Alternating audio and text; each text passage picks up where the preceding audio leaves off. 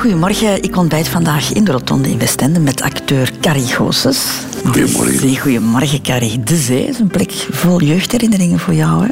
Ja, ja, ja de Zee. Ik, eh, als ik klein was, in de eind jaren 50, begin jaren 60, moest ik altijd een maand, een volledige maand, met mijn grootmoeder naar de zee komen.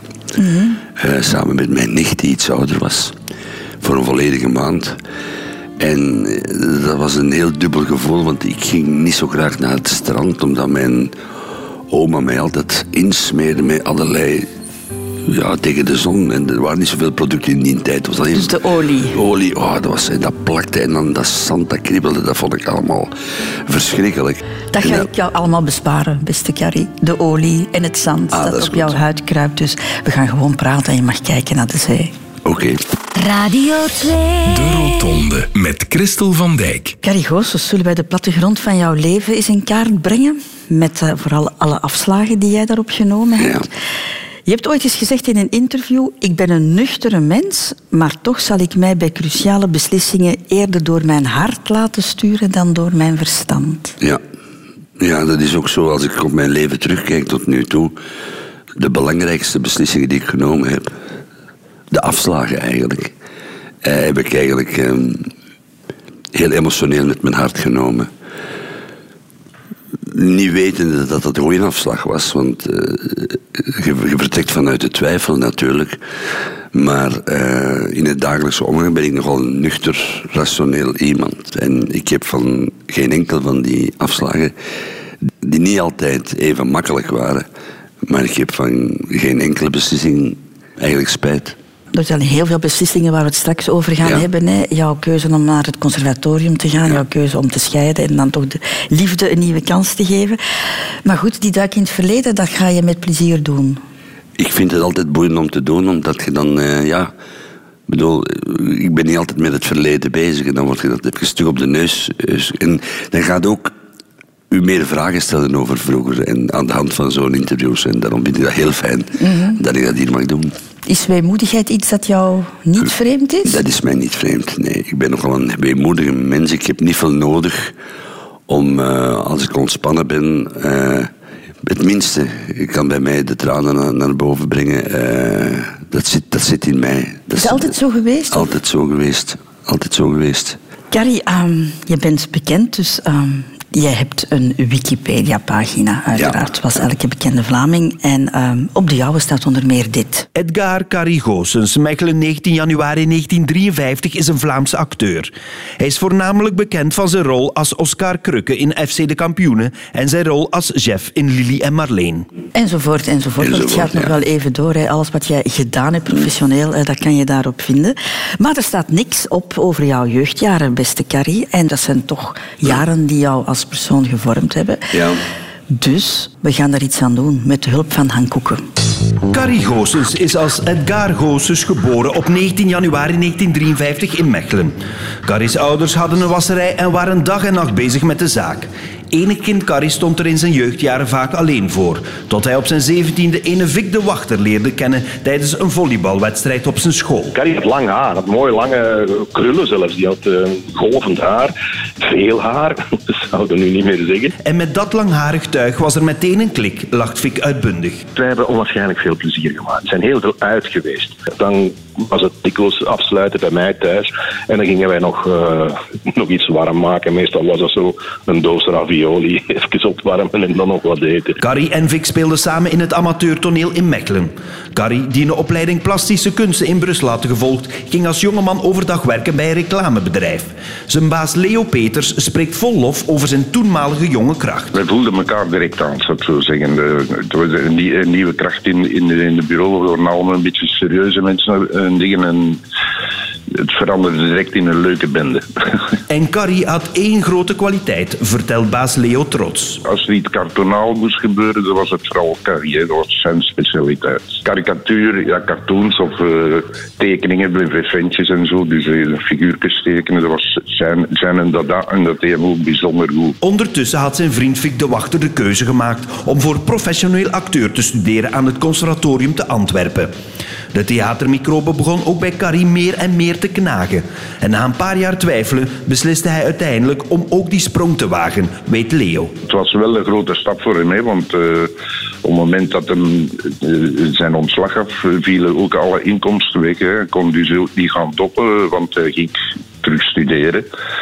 Dus eh, dat was voor hem financieel een, eh, een moeilijke beslissing. Gelukkig kon arme Carrie in Antwerpen rekenen op de steun van zijn vriend Vic de Wachter. Als hij op eh, conservatorium zat en ik was dan net getrouwd en ik had een, een wij wonen in, in Antwerpen, wij hebben hem dikwijls opgevangen en is hem zelf ook eh, alleen gaan wonen. Hij heeft een vrij turbulente tijd gehad, hoor. Dat was, maar dat hoorde erbij. Dat is, eh, ja, dat was zo. En na zijn studies belandde Carrie bij het Reizend Volkstheater, waar hij actrice Danny Heijlen leerde kennen. Ik heb enorm veel gespeeld met Carrie. Ik heb eh, ongeveer alles gespeeld wat wij op die leeftijd konden spelen. eh, neef en nicht. En eh, lieven samen, moeder en vader toen ook al. Ja, alles, alles wat meisjes en jongens samen kunnen spelen. Een acteur en een actrice. Toen Carrie 37 jaar was, kreeg hij een tip van Antje de Boek om auditie te gaan doen voor een serie over een voetbalploegje. Ja, ik was ook benaderd voor de rol van Lieke, ja. Dat is of Doortje. Een van de twee. En ik dacht, dat, is, dat is nu echt iets voor Carrie. Ik zeg het, hij heeft een soort van humor die bij mij heel erg aansloeg. Ja, ik heb hem dat toen gezegd van, stel je toch kandidaat. Ik zie je daar. Ook Danny deed toen auditie. En de positieve chemie tussen haar en Carrie tijdens de audities vielen de bedenkers van FC de Kampioenen op. Ze kregen de rol van Pascalke en Oscar. En zo maakte ook het grote publiek kennis met Carrie Goossens. En de rest is history. Mai. Stukje jeugd. Amai. Veel dingen om over te praten, denk Ja, ik, de, de, ja, de ja, komende ja, ja. twee uur. Uh, wat ik nu onthouden heb, de man met het lange haar die graag tekende. Ja. Dat lange haar is verdwenen. Dat is weg, En het ja. tekenen. Ehm, ik- af en toe nog. De Rotonde. Radio 2.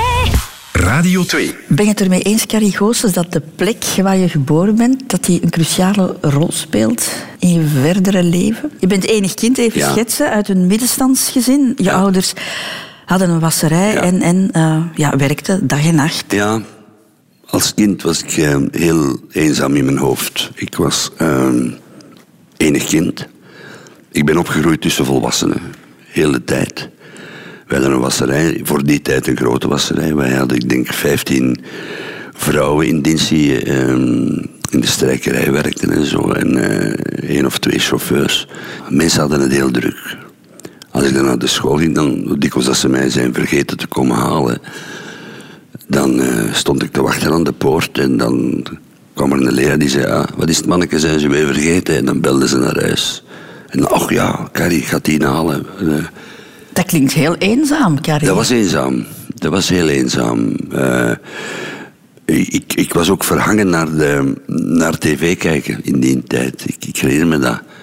Het enige wat ik zo echt van opvleurde, dat was als ik naar, eh, naar eh, films kon kijken, of, of feuilletons, of, of eh, de jeugdprogramma's van toen en zo. Dat was, eh, ja, ik, ik sloot mij heel veel op zo met, met aan de tv. Nu, je hebt ook een hele tijd niet thuis of bijna niet thuis gewoond. Nee, hè, nee hebt- dat is heel raar geweest.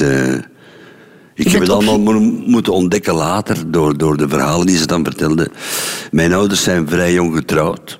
Ja, je moeder was twintig, denk ik, Ja. toen jij geboren werd. Dat is inderdaad heel jong, ja. was jong, dat was in, in, eh, in eh, 52 of zoiets. Dus eigenlijk maar zeven jaar na de oorlog. Dat waren ja, de, de, de herbouwingsjaren. De, er was veel werk, er was van alles te doen. En mijn ouders waren mensen die nogal graag weggingen, uitgingen, pintje drinken. Werkten hard. Maar de compensatie was altijd niet het familiale leven, maar weggaan. Dus ik ben geboren. En na een paar maanden, eh, de jongere zus van mijn moeder, die nog niet getrouwd was, die heeft mij eigenlijk de eerste drie jaar van mijn leven opgevoed. Die heeft mij overal mee naartoe gesleurd, ging mee op vakantie, ik sliep bij haar. Ik zag mijn ouders heel weinig. Overdag in de wasserij, maar voor de rest eigenlijk. eh. Dan is die ook getrouwd na, na drie jaar. En dan vanaf mijn vier jaar tot mijn twaalf jaar heb ik bij mijn grootvader gewoond. Dat was eigenlijk in hetzelfde complex, die wasserij. Dat was, eh, dus hier had je, linkse kant had je dan de, de wasserij met een appartement boven waar mijn grootvader woonde. En dat liep dan zo helemaal door tot in die andere straat waar mijn ouders woonden. Maar ik woonde bij, bij mijn grootvader, dat, mijn, dat mijn ouders eigenlijk niet naar mij moesten omzien. Mijn, mijn, groot, mijn grootmoeder was, was eh, al overleden.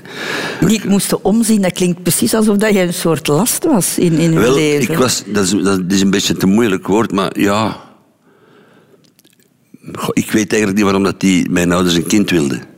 Als Eigenlijk dacht- wilden ze het niet, hè? Nee, eigenlijk willen ze het niet.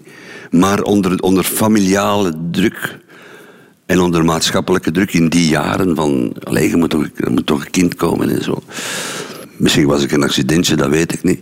Maar, maar als het gepland was, dan was het gewoon om, om, om tegemoet te komen aan de, aan de familiale druk, denk ik. Ja, maar als je je ouders bijna niet ziet, Carrie, hoe, hoe, hoe kan je daar dan een band mee Ja, wel, dat opbouwen? is het probleem. Ik ben dan rond mijn twaalf, communiteit, zo ben ik dan thuis gaan wonen, omdat mijn grootvader dan hertrouwd is. En dat, ja, dat, dan begon ik aan, aan, aan allee, het begin van de puberjaren. En dan moest ik in één keer, en dan ging mijn vader in één keer vader spelen. En dat marcheerde natuurlijk niet. Dat was dan begin jaren zestig. En, en eh, ja, dat, dat botste langs alle kanten. Dat... Mijn ouders hadden dan uiteindelijk, want toen ik dan thuis ging wonen, ontdekte ik ook dat dat niet echt een gelukt huwelijk was. Er waren veel, veel problemen, veel ruzies, veel incidenten. En eh, ja, dan, dan, dan gaat u daar nog meer tegen, tegen afzetten natuurlijk. Maar als je zo opgroeit, Carrie Goossens, zo eigenlijk een beetje zonder wortels, als ik het zo mag noemen, hoe groei je dan op? Ben je dan een vrolijk, zelfzeker kind? Nee, nee. Ik moest met een plan trekken. En dat, dat, ja, dat overleef je dan. Maar ik, ik, ik kan niet zeggen dat ik echt een gelukkig kind was op die moment. Zo. Familiaal leven was, was heel geforceerd, vond ik altijd. Bijvoorbeeld een kerstfeest. Dat was dan bij mijn, bij mijn grootouders langs, langs eh, vaderskant.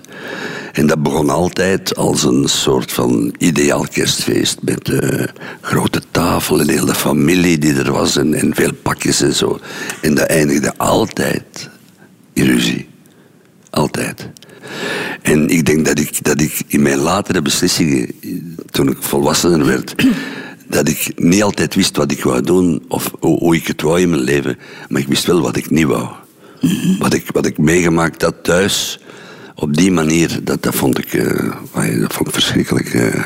In de school heb ik dan achteraf wel dan ontdekte dingen dat je denkt, "Tja, dat, dat kan ik ook wel en zo. Want mijn vader bijvoorbeeld, waar ik een slechte band mee had, die had, ik, ik heb zijn genen, sowieso. Mijn vader dat was iemand die kon op zijn eentje een heel café entertainen.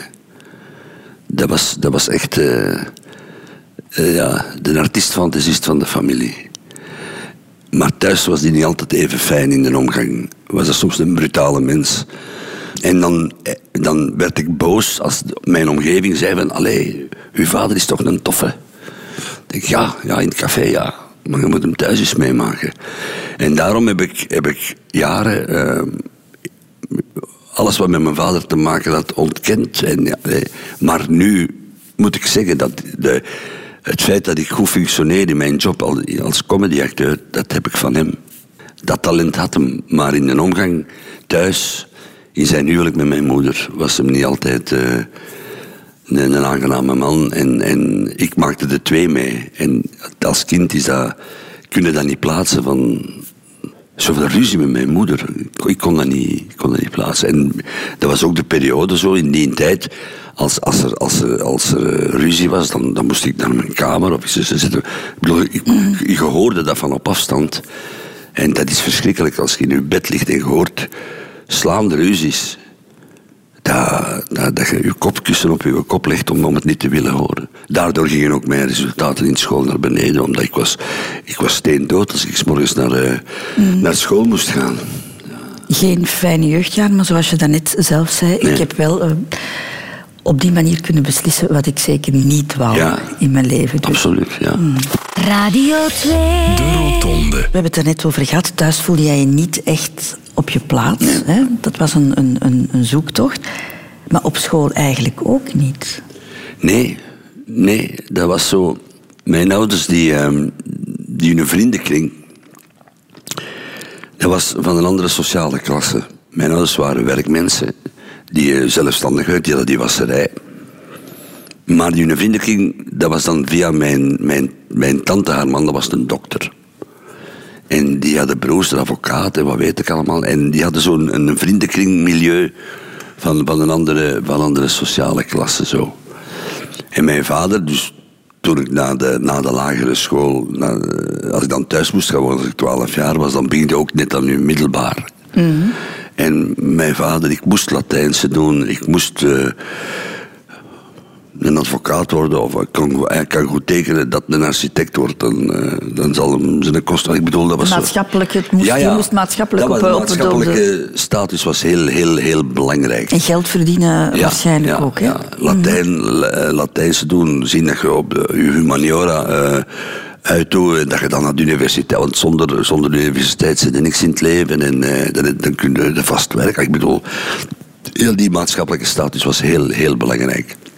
En had jij meteen door van, ik, ik pas daar eigenlijk Ik niet pas daar in eigenlijk dat niet? Ja, ja, maar om, ik, ik bedoel niet, niet dat ik, ik was geen dom kind, maar ik was, ik was eh, door de, de, de hachelijke situatie thuis en de vele conflicten en de ruzies en de spanningen.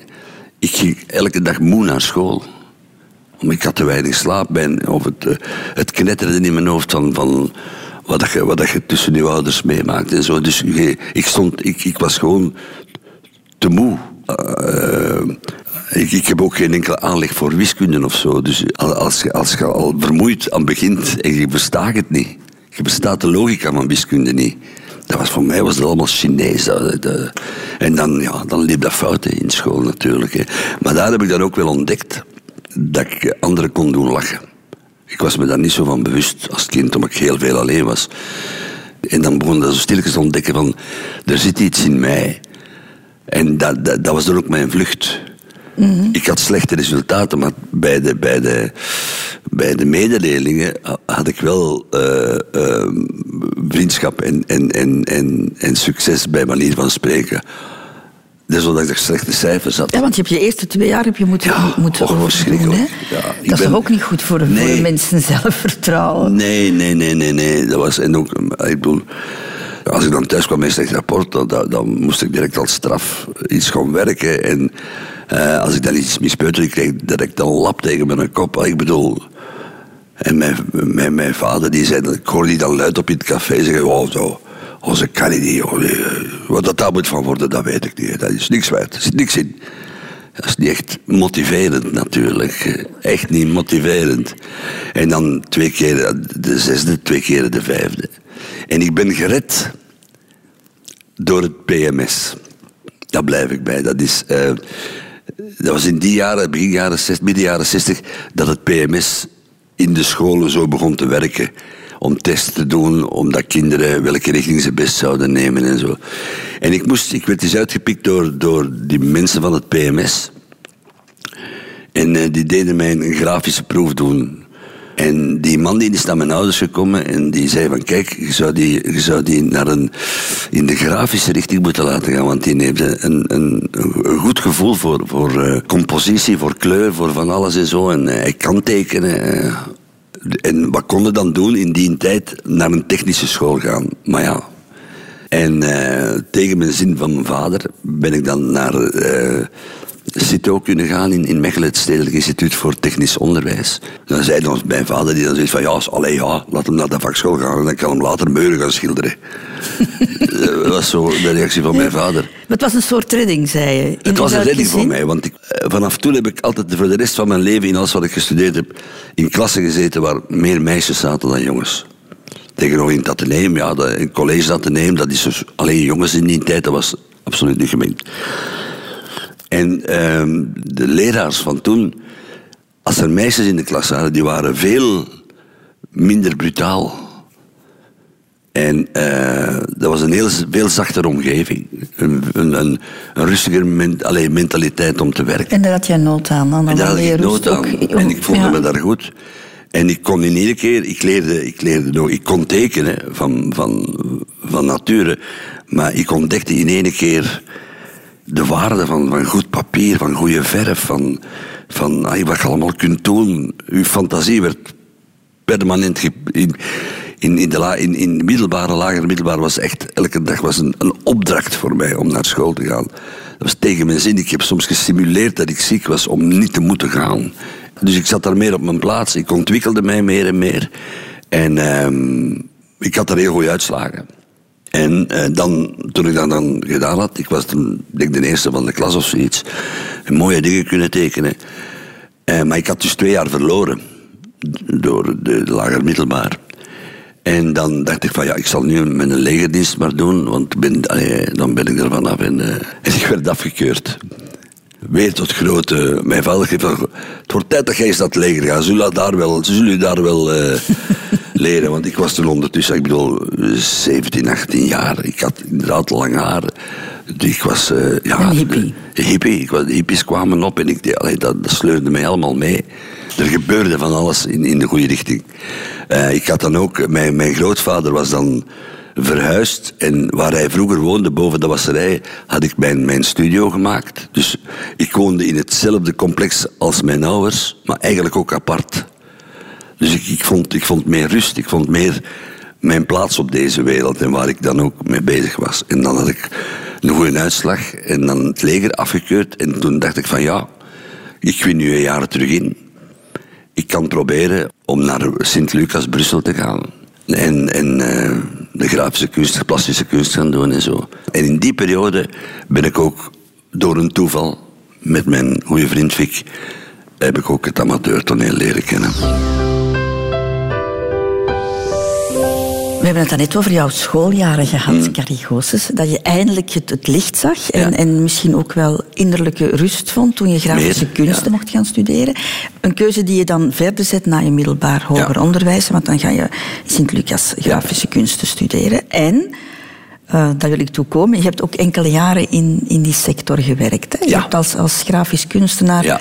Op een reclamebureau. Op een reclamebureau, ja, ja. Toen ik afstudeerde in, in Sint-Lucas, en eh, ja, eh, toen ben ik ehm, onmiddellijk getrouwd met mijn toenmalige lief ook. Omdat ik, omdat ik gewoon weg wou. ik, wou ik, ik had mijn, mijn richting wat meer gevonden, maar ik wou weg van mijn ouders. Ik wou zelfstandig leven. Maar iets dat beslist om te trouwen. Ik verwarde, ik zie u graag mee, ik wil met u trouwen. Dat zijn van die dingen, die fouten die gemaakt. Maar goed, ik moest dan ook werk zoeken. En dat was in, in een klein firma in, in Mechelen.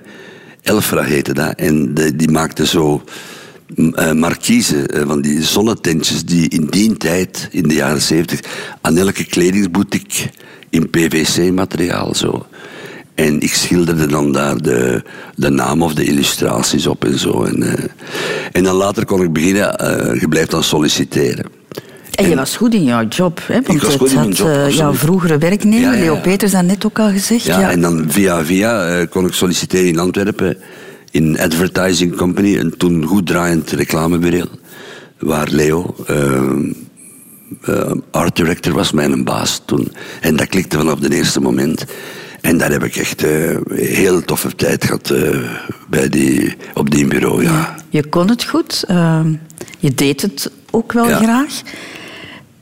En toch beslis jij op je 26e, beste Carrie Goossens, om dat leven achter jou te laten en om naar het conservatorium te gaan, een theateropleiding te gaan volgen. Want die liefde voor theater was er natuurlijk ook, hè? dat liep wat parallel. Dat was, dat was eigenlijk... ehm, eh, ik had toen op mijn 17 jaar of zoiets eh, Vic leren kennen. Dat is een van mijn beste vrienden geworden. ehm. En wij, door een puur, puur toeval, vroegen ze ons van... Zeg, mannen, kom er gewoon niet meedoen in het amateurtoneel, want we hebben een tekort aan jonge mensen en we kunnen wat jonge krachten gebruiken. Dus, maar ik, mij zei dat wel iets zo direct, maar de Vic die zei, Carrie, wij toneelspelers ga zot, dat is toch niks voor ons. Ik zeg, Vic, laat ons eens gaan, en, allee, uit de nieuwsgierigheid zo. En inderdaad, dan in, begint het, het acteren, het toneelspelen te ontdekken. En ehm Vic heeft dan rap de beslissing genomen, omdat hij, ging dan in, in Mechelen in de avondleergang bij Luc Philips. Luc Philips zag het talent van Vic de Wachter en zei, jij moet naar Antwerpen, jij moet het conservatorium gaan doen, want jij kunt verder gaan daarin. En de Vic heeft dat dan eerst gedaan en bij mij begon die microbe ook hoe langer hoe meer te kriebelen, omdat ik dacht, ik, ik, ik was dan goed in mijn werk op het reclamebureau, maar er was een wereld van verschil tussen bijvoorbeeld wat ik, de sfeer en, en, en het, het, de voldoening van het werk dat ik in, de, in Sint-Lucas had, tegenover de harde praktijk van een, een reclamebureau. Want dan, ja, dan, dan wordt het echt business. En, en ja, dan kom je, ik, ik kon dus tekenwerk doen, maar je komt eigenlijk in, in, in een zakenwereld. In een businesswereld terecht. En dat, dat, dat, dat, dat, dat voelde ik me dan niet zo happy mee. Ik Dat had je thuis gezien en je dacht ja, van, nou, dat- nee, is nee, niet mijn nee, nee. En ik moest dan ook zo, ja... Ik kom dan zo uit die hippie-periode. en dan moest ik in ene keer eh, alle dagen mee, mee, met kostuum en das gaan werken. Ik heb meer met mijn das in mijn werk gangen dan de rest. Allee, ik bedoel, dat ik wat is dat hier in godsnaam? Ik bedoel, maar gelukkig had ik dan die goede contacten met Leo, dat we ook plezier maakten op ons werk en dat hij mij vertrouwde om, om bepaalde eh, tekeningen te maken die belangrijk waren op dat moment. Maar toch begon die, die, die acteermicroben zo stil. Ik voelde me, als ik kon toneel spelen bij de amateurs in Mechelen, dan, dan voelde ik mij, denk ja, dit is het, hier, hier ben ik, hier zit ik op mijn plaats. Ik tekenen, dan dacht ik, eh, dat ik altijd van, oké, ik kan dat, ik kan ervan genieten, maar ik zit niet op mijn plaats in deze wereld. Ondertussen was ik dan getrouwd de eerste keer. Dat huwelijk leek niet goed te marcheren. En dat kwam dan allemaal samen. Dus dat was een heel belangrijk kruispunt. Want je- Ja. je zou kunnen zeggen, oké, ik, ik werk voort. Ik, Ja. ik smijt mij op dat amateurtheater waar ik heel veel voldoening... nee, nee. Maar jij neemt echt drastische Ja. beslissing. Ja. Ik neem mijn ontslag en ik ga drie jaar lang, het was drie Ja. jaar, Ja. drie jaar lang studeren. Nu was het zo in die tijd. Hadden ze gezegd van als je ooit in het beroepstheater wilt geraken, dan moet je een diploma hebben. Je kunt daar niet binnen zonder diploma.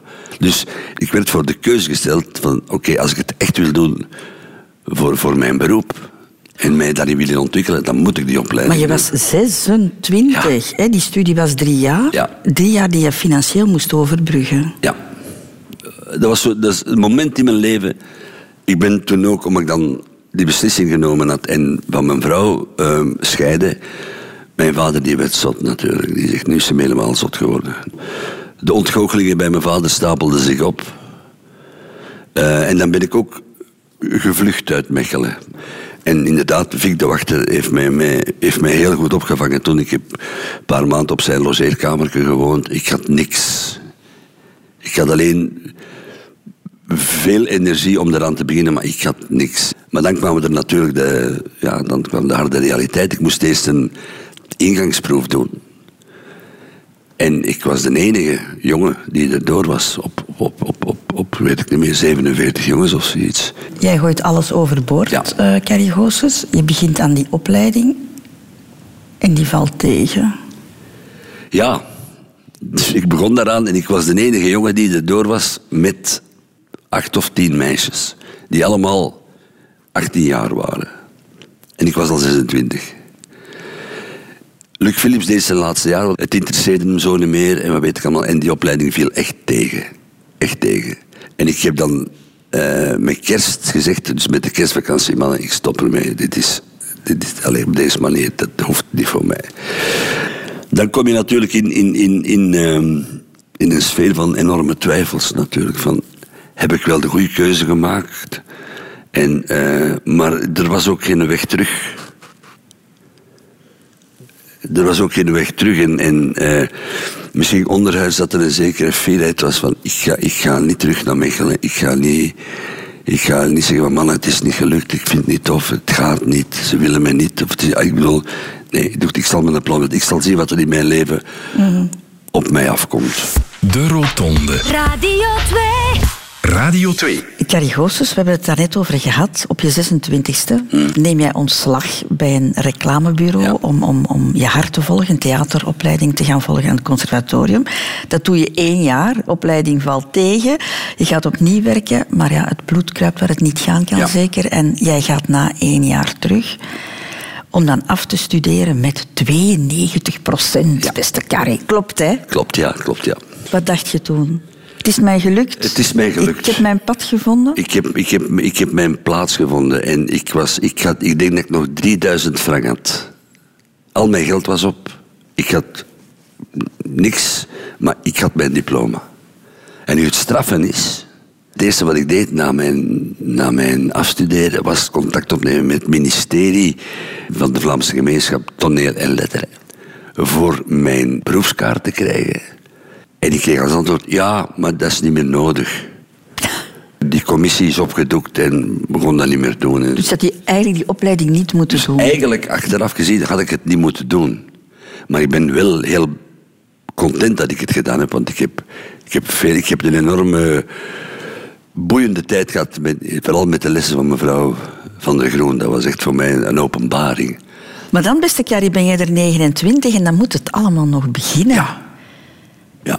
Had je daar geen schrik voor?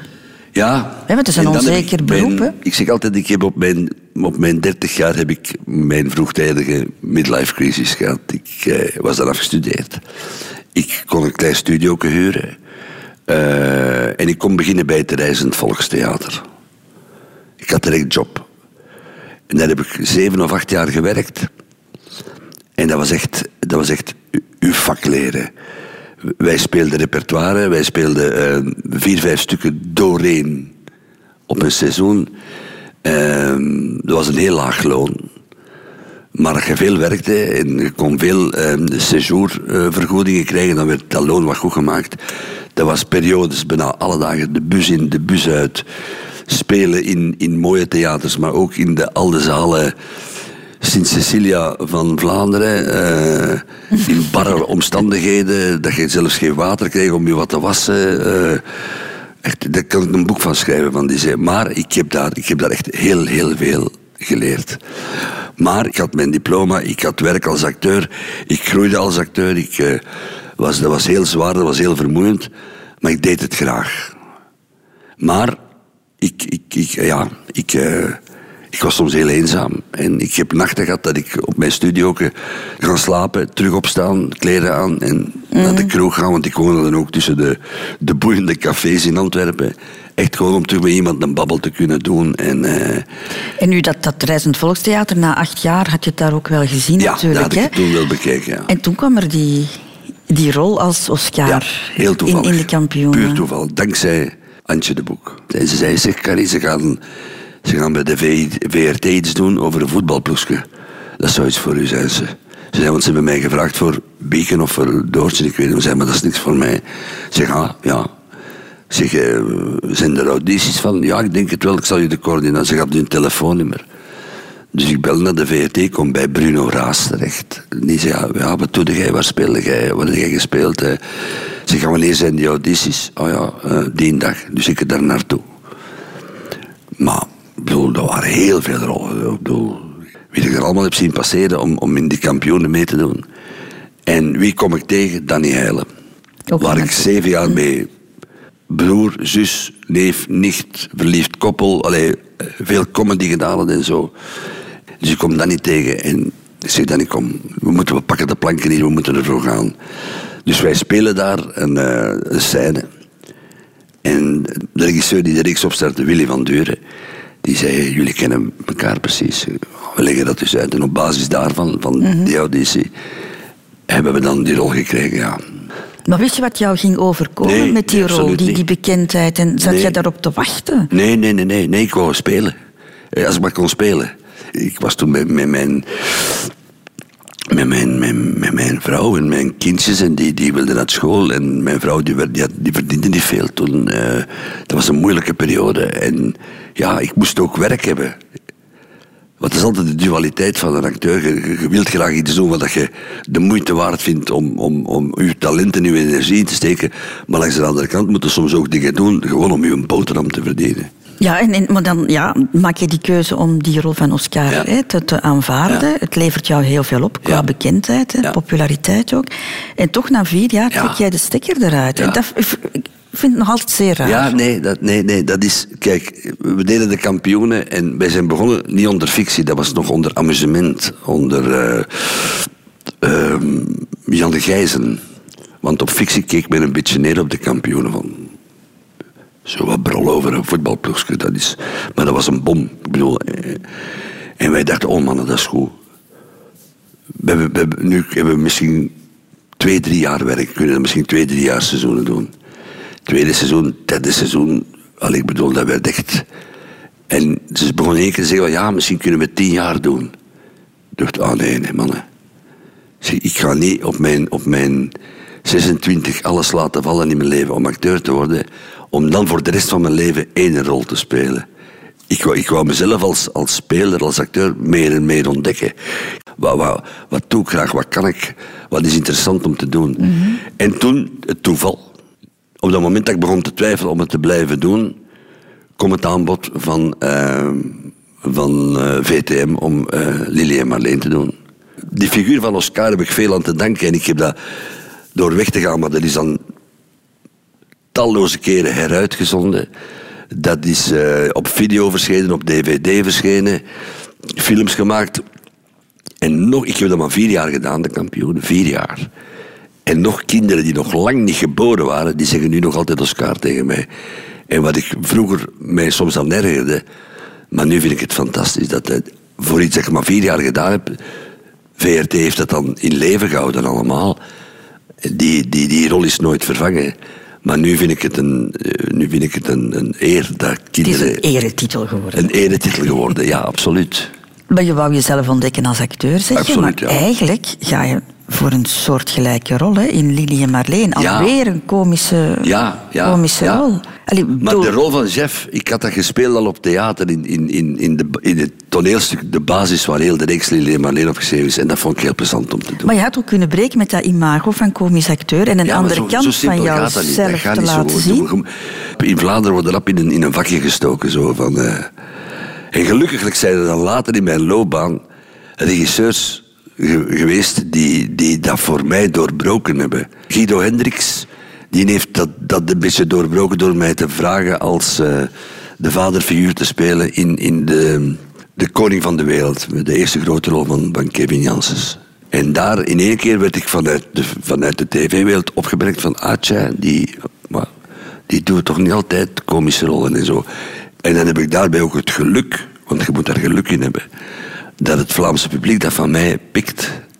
Want ze zien mij graag als Oscar, ze zien mij graag als, als chef in Lily en Marleen. Maar als je dan iets van een totaal andere orde speelt, dan zou het kunnen zeggen dat het publiek afhaakt en zegt: nee, nee, nee, we zien hem toch liever dat spelen en zo. Maar nee, het publiek heeft dat, heeft dat aanvaard.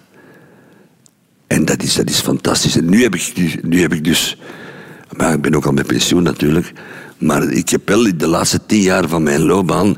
heb ik het, eh, ook de kans gekregen in theater om, om heel ernstige rollen te spelen.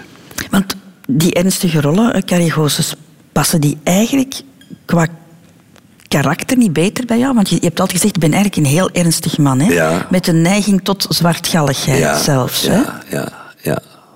Maar humor is een, is een heel sterk wapen natuurlijk. Hè. Ik heb dan ernstige rollen kunnen spelen en ik kon daar bepaalde facetten van mij laten zien die waarschijnlijk te maken hebben met, met mijn niet zo'n toffe jeugd. Maar langs de andere kant heb ik met ouder worden ook ontdekt dat mensen doen lachen, dat dat een ongelooflijk waardevol aspect is van dit beroep. De liefde, Carrie Goossens. Ja, de liefde. Ja, daar zijn we aanbeland. Ja, daar zijn we aan beland, de liefde. Hoe keek jij ernaar als, als tiener? Wat voor beeld had jij daarvan?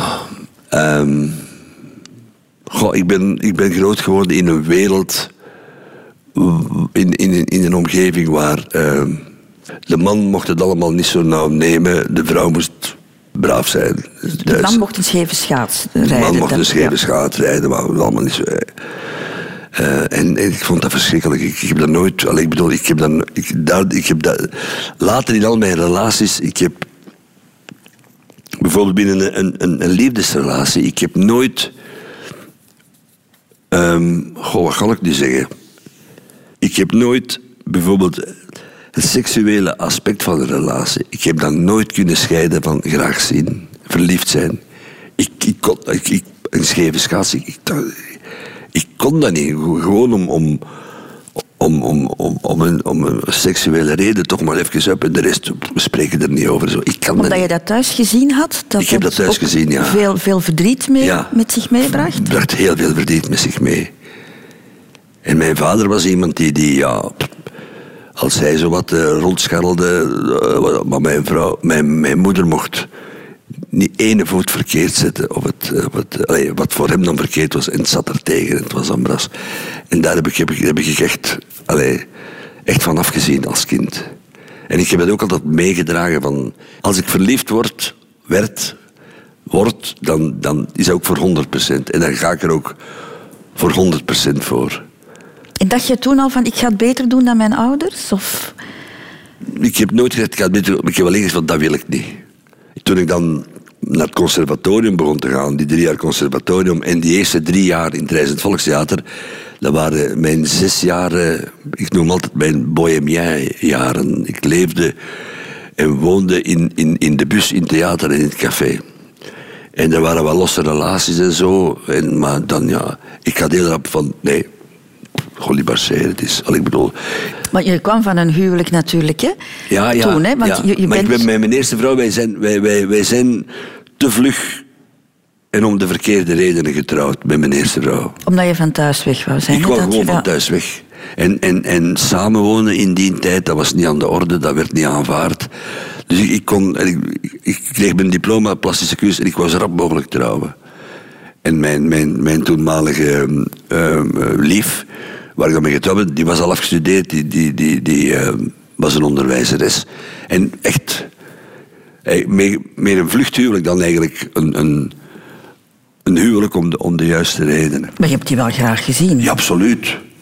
Maar we voelden van, oké, want hoe kenden wij elkaar in die tijd? Je ziet elkaar twee, drie keer in de week. Je gaat met de weekend met elkaar eens uit. En je leert elkaar kennen, maar, maar dat blijft... Je kent elkaar niet echt. Je weet ook niet wat u... Je weet ook niet wat, u, wat je van het leven verlangt, wat, dat je, wat dat je nog moet verwerken. Moet, allee, ik bedoel, dat, we voelden dat het allemaal ehm, vierkant begon te draaien. Dat, dat, dat die, die puzzelstukken die pasten.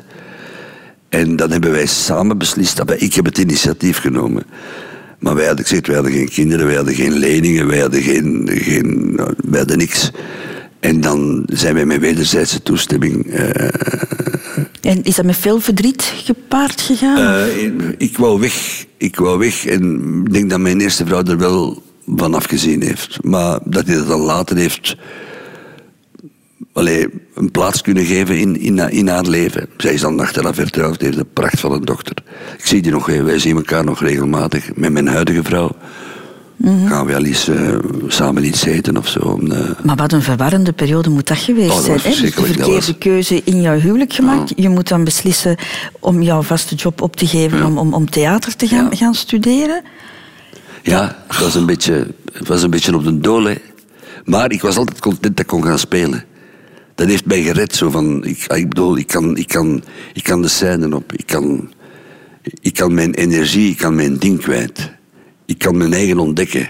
En je leert ook, via het theater leerde ik ook, ook mensen kennen die, die ik heel boeiend vond om, om over de dagelijkse dingen des levens te babbelen. Dus in één keer kwam mijn, kwam mijn ontwikkeling in, in een soort stroomversnelling. Met alle problematieken erbij natuurlijk. Maar Maar ja, van de ene kant moet er opluchting geweest Ja. zijn, een streep onder dat huwelijk. Maar dan eigenlijk ja, is er toch na die scheiding een, een periode dat je, ja, dus- zal, zal ik zeggen, de pedalen ben, bent kwijtgeraakt? Ja, ja, en ik heb ik, gelukkig, gelukkig ehm, daar geen foute beslissingen genomen. Ik heb, ben ook niet in, in, in, in, in, in verkeerd milieu geraakt en zo. Ik ben er altijd zo wat tussen gelaveerd. Maar dat had gekund. Het had gekund. Ik begon een echte zwartkijker te worden. Ik, eh, ik ben, ben van nature al geen optimistische persoon. Maar ik was ook niet... Ik bedoel, ik was alleen gelukkig als ik, als ik kon gaan werken, als ik kon gaan spelen.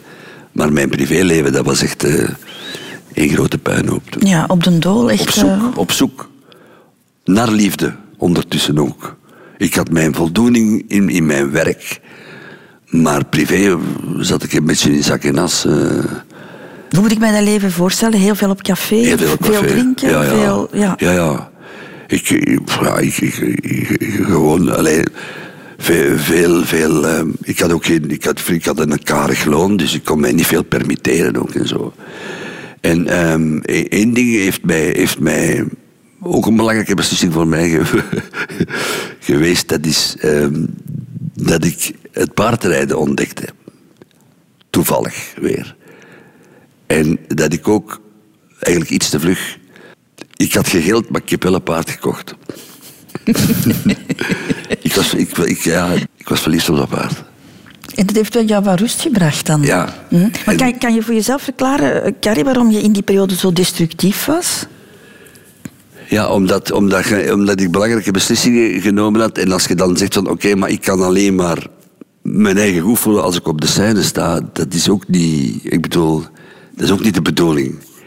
Ik wil niet, ik wil, ik wil niet mijn, mijn, mijn ehm, als acteur, als mens, eh, eigenlijk hoe langer hoe meer naar beneden gaan. En alleen maar, alleen maar leven om, om eens op een scène te staan. Er zijn meer dingen in het leven dan alleen maar spelen. En ja, dat had kunnen fout lopen natuurlijk. Hè. Er zit wel wat in dat koppetje van jou, dat maalt nogal, hè? Ja. Maar goed, Misschien dat daar meer al dat haar weg is, dat kan ook natuurlijk. Radio 2. we hebben het er net over gehad, Carrie Goossens. Na jouw echtscheiding hè, kom jij in een woelige periode terecht. Hè? Op de dool, niet echt goed weten wat je met je leven moet aanvangen. Het klinkt als een foute roman, hè, als Ja, ik het weet het, ik weet het. Ik weet het. maar Drama, drama. Het is ook, ja. Oh, maar goed, dan, hè, we, gaan, we gaan met een happy end hè, beginnen. Ja, ja, ja. Oh, ik maak het toch echt wel melodramatisch, maar, maar goed. Je komt je huidige vrouw tegen, Ja. Chris. Ja, dat was, ja, Wat heeft zij bij jou losgeweekt, Carrie? zoals in het Frans zeggen, le coup de foudre. De eerste keer dat ik die zag, ik denk, dat is ze. Ehm, ze had ook een huwelijk achter de rug, ze had twee kindjes. Had ze zat- het al achter de rug? Is ze niet voor jou weggegaan? Jullie toch ja, samen ze, ze die... was nog, ja. ze was nog getrouwd toen, nee. Maar dat was ook... al- Ze is al twee keer eh, van een eerste man weggegaan, teruggegaan. Ik bedoel, dat zat ook niet echt... Hè. En ik zag die en ja... En dan eh, heb ik het zo wat gemanipuleerd in de zin van... Ik... ehm, ik ging al eens een regie doen bij liefhebbers om een centje bij te verdienen, zoals veel acteurs doen.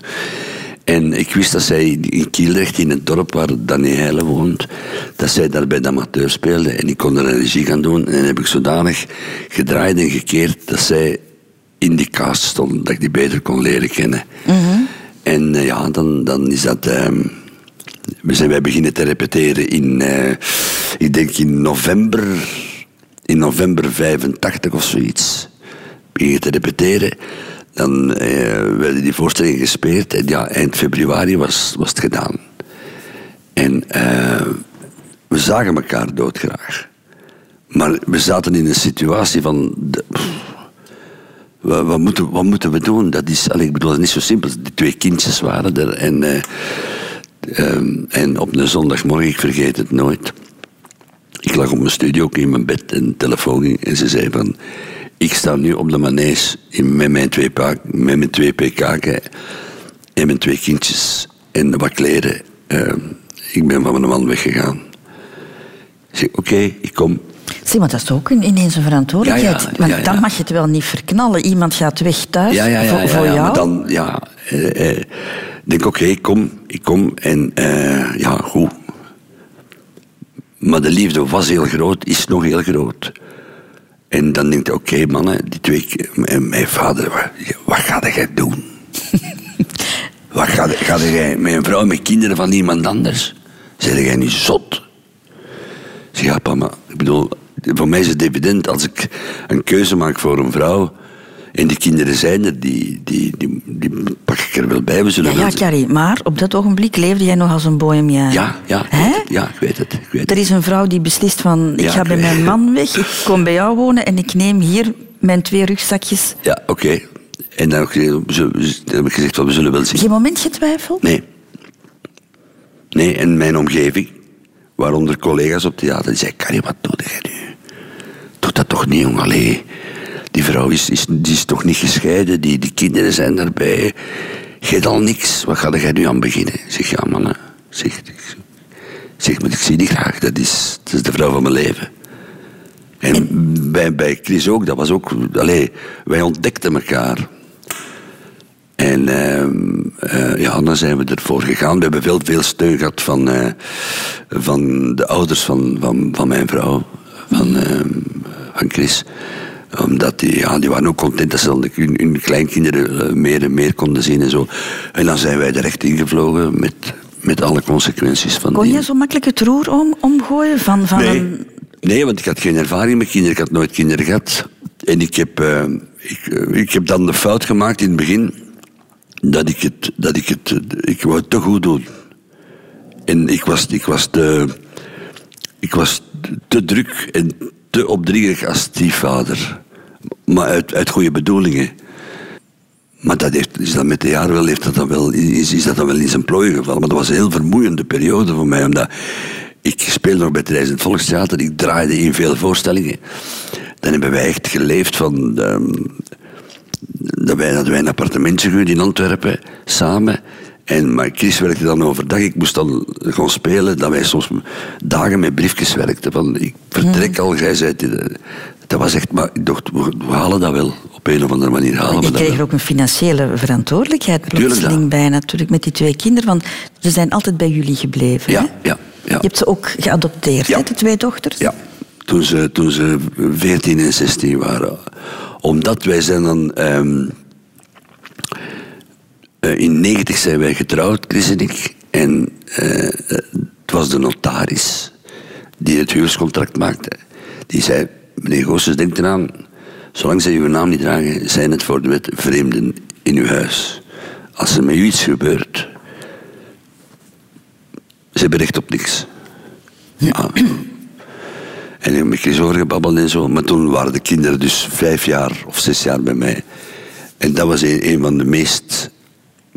Ik heb het toen niet zo laten zien, denk ik, maar een van de meest emotionele momenten uit mijn leven. Toen ze 14 en 16 jaar en zelf kwamen vragen: kunnen wij uw naam niet dragen?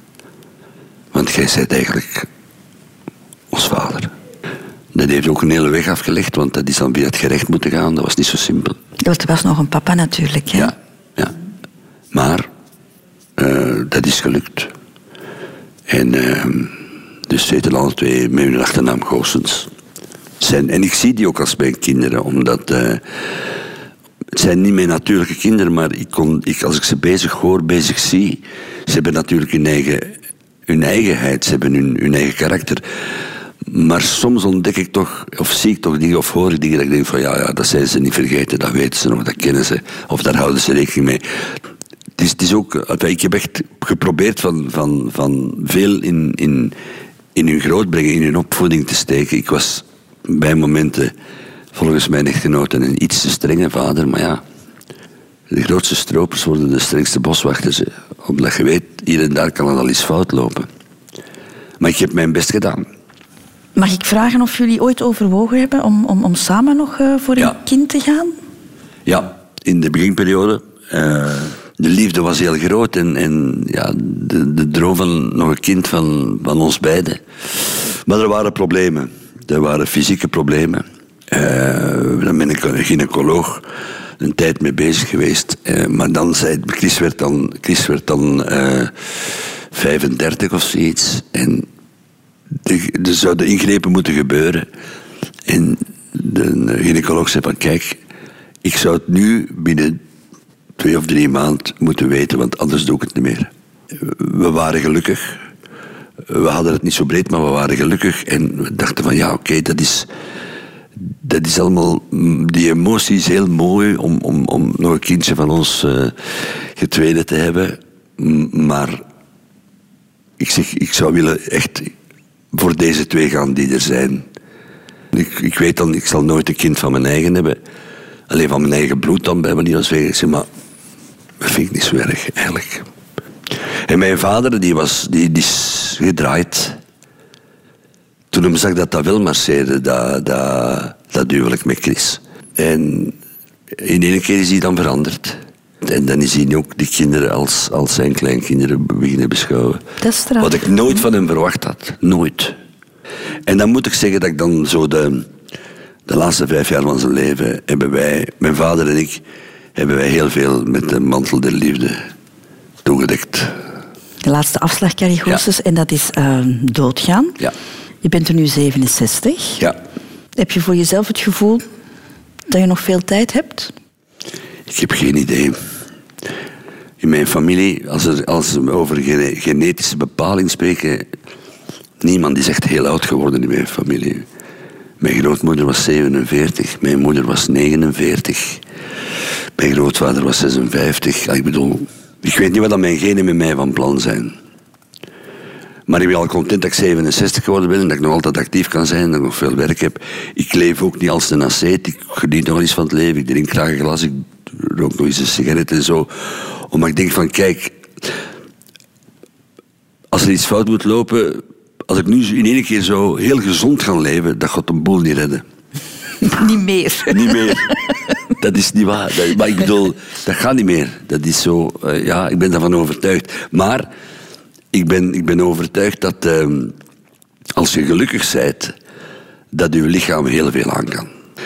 En ik moet daaraan werken. Ik, moest, ik heb daar moeten aan werken, maar... Ja, want uit zichzelf ben jij niet Nee, meteen de nee, persoon maar die het talent heeft om gelukkig nee, te nee, zijn, nee, toch? Hè? Nee, nee. Eh, ik, ik zeg altijd, ik ben een pessimist die regelmatig goed gezind is. Maar gelukkig heb ik mijn vrouw. Die, die, dat is één grote brok energie en optimisme. En, en ehm, die, ehm, we hebben erover gediscuteerd en, en soms wat woorden over gehad, maar eigenlijk heeft hij mij geholpen. Psychisch. Om, om, om, eh, eh, want op een zeker moment zei hij tegen mij, schat, je nu duizenden mensen lachen, laat mij nu ook eens lachen in godsnaam. Dan dacht ik, oei, ik ben verkeerd bezig. Want, al ik bedoel...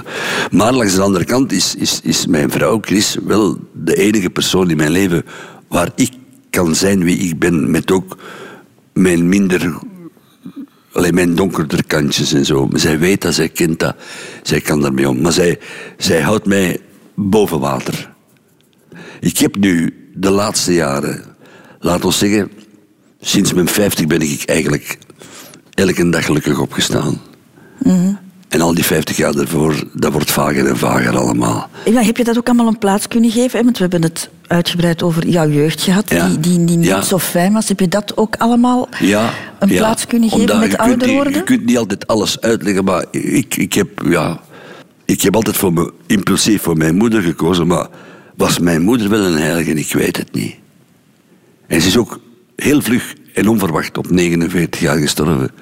Ik heb geen afscheid kunnen nemen van mijn moeder. In één keer was hij weg. En dan blijft dat beeld. Maar als je dan ouder wordt, dan denk je, ja, maar wacht. Misschien was het allemaal niet zo. Je begint te twijfelen. Het wordt, omdat het vager wordt, worden zachter. eh, worden vergevingsgezinder. Ook ten opzichte van jouw vader? Ja. Ja, want ik bedoel, ja, waarom was mijn vader zo? Uit, uit, uit, uit welk milieu kwam die? Hoe waren die zijn ouders? Wat heeft die in zijn jeugd meegemaakt? Daar stel je allemaal geen vragen. Hoe is die opgevoed?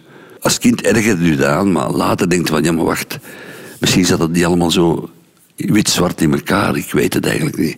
Maar ik vind het ook niet meer belangrijk. Het is gepasseerd. En je hebt nog een aantal goede gesprekken met hem gehad, Ja, voor de laatste vijf is. jaar hebben wij elkaar gevonden. We hebben een paar moeilijke gesprekken gehad. Hadden, ik heb zo op een, op een avond op een terras met heel veel flessen wijn een soort van catharsis gekregen dat alles eruit kwam bij mij. En ik zag mijn vader zo wit als marmer worden. Ik denk, ja, oké, ofwel neemt hij mij nu dood, of krijg ik hier een mot in mijn gezicht. En ik zag hem zo wit worden en ik was dan zo dronken dat ik in slaap viel. En dan hebben wij maanden niet tegen elkaar gesproken. En dan zo met mondjesmaat door mijn vrouw, Chris, door de kinderen, door Oscar. In één keer begonnen wij elkaar zo wat te vinden. En, maar hij bleef wie hij was, een vrij directe, soms brutale man. Maar met ouder worden en dan, ja, is alles, hebben wij nog goede gesprekken gehad. Zonder wijn dan. En meer to the point. En, en ik, ik, ik, mijn vader kon zich niet goed uitdrukken met woorden. Maar ik zag aan zijn houding, ik zag aan zijn ogen. Dat hij zei: van, ik heb, ik heb foute dingen gedaan. Hij heeft het niet letterlijk gezegd, maar ik voelde het, ik zag het. En dan zocht ik hem op. En dan, als hem echt slecht werd op het laatste. dan ging ik naar hem en dan, dan ging ik hem scheren. En dan dronken wij nog eens een glasje wijn. En dan babbelden wij over vroeger en zo. Maar die, die, die, die, die macho, brutale man, die begon gelijk een kartonnen huisje in elkaar te vallen. En dan denk ik, ja, het is mijn vader. Ik moet er naartoe, want eh, ik voelde dat dat fout... Hij is dan ziek geworden. Ik voelde dat dat fout ging lopen. En dan hebben we elkaar nog eh, gevonden. Ik heb toen hij terminaal was en eh, in het hospitaal lag aan, aan de morfine. De laatste keer dat ik hem gezien heb, ben ik er naartoe gegaan. En hij lag daar bij al die machines. En dan heb ik, ik denk een kwartier in zijn oor van alles nog gezegd. Ik weet niet of dat hij het nog gepercepteerd heeft of niet, want ze zeggen dat, dokters zeggen van ja, maar pas op, het is niet omdat ze in een soort coma zijn dat, dat de hersenen dat niet meer opvangen. Maar ik vond dat ik dat moest doen, dat was de laatste keer dat ik hem gezien heb, dus ik heb dat gedaan. En ehm, in zijn oor van alles verteld over vroeger. Ik ben naar huis gereden en twee uur daarna belden ze dat hem overleden was. De zaterdagavond. Dag van het Songfestival. Ik het nog goed. Zo, maar- En dan in één keer, dat is, dat dan kreeg ik een schok. Dan dacht ik, ja, oké, ik zet de volgende. Van het moment dat je geen kind meer zei, van niemand. Dan denk je, ja, logischerwijs gezien, denk ik de volgende. Dus ik moet me nu nog organiseren om de rest van mijn leven toch nog, ik bedoel, een fijne tijd te hebben. Ik eh, ben met pensioen op papier. Maar mijn, gelukkig staat mijn agenda vol. Ik heb nog heel mooie projecten. Ik ga veel theater spelen dit jaar. En in de zomer eh, een heel mooi project dat ik de mogelijkheid krijg om te doen. We gaan de film maken, de familiefilm van eh, kapitein Seppos. Ik heb al mensen van de pers gehad die zeggen... ja, en, en van hier en van daar. Ik zeg, maar nee, man, het gaat over kapitein Seppos. Het gaat over de figuur kapitein Seppos. Het gaat niet over Senderoefaar. Want we moeten een film maken naar de jeugd toe, naar de digitale generatie. Maar ook een beetje de nostalgie naar de reeks die op televisie geweest is. Dus dat wordt een hele boterham, maar ik kijk er ontzettend naar uit. Ik keek ook ontzettend uit naar jouw komst, eh, beste Carrie Goossens. En het is ge- geworden zoals ik het verwacht had. Ja. Een, een gesprek met een, eh, een, een, een verteller, een geboren verteller. Ja? Ja, ik weet, ik weet dat van mijn eigen. Ik, eh, ik verwittig de mensen ook altijd. Als ik begin te vertellen, dan moeten ze mij af en toe afremmen. Dankjewel dat je met mij wou ontbijten. Zeer graag gedaan. En dan nu nog even mijn gastenboek, beste Carrie. Ja. Lieve Christel. Terwijl voor mijn ogen het voorbije uur de mist over de zee zich verspreidde als een deken en de horizon langzaam verdween, nam de rust in mijn hoofd steeds meer plaats in. Dankzij jou, denk ik.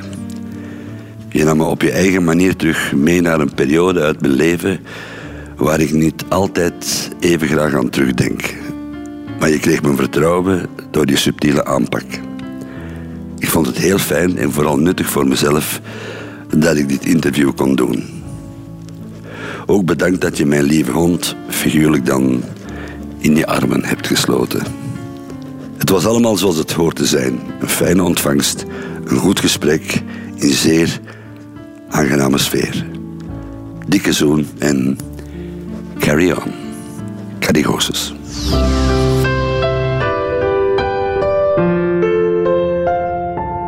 Radio 2.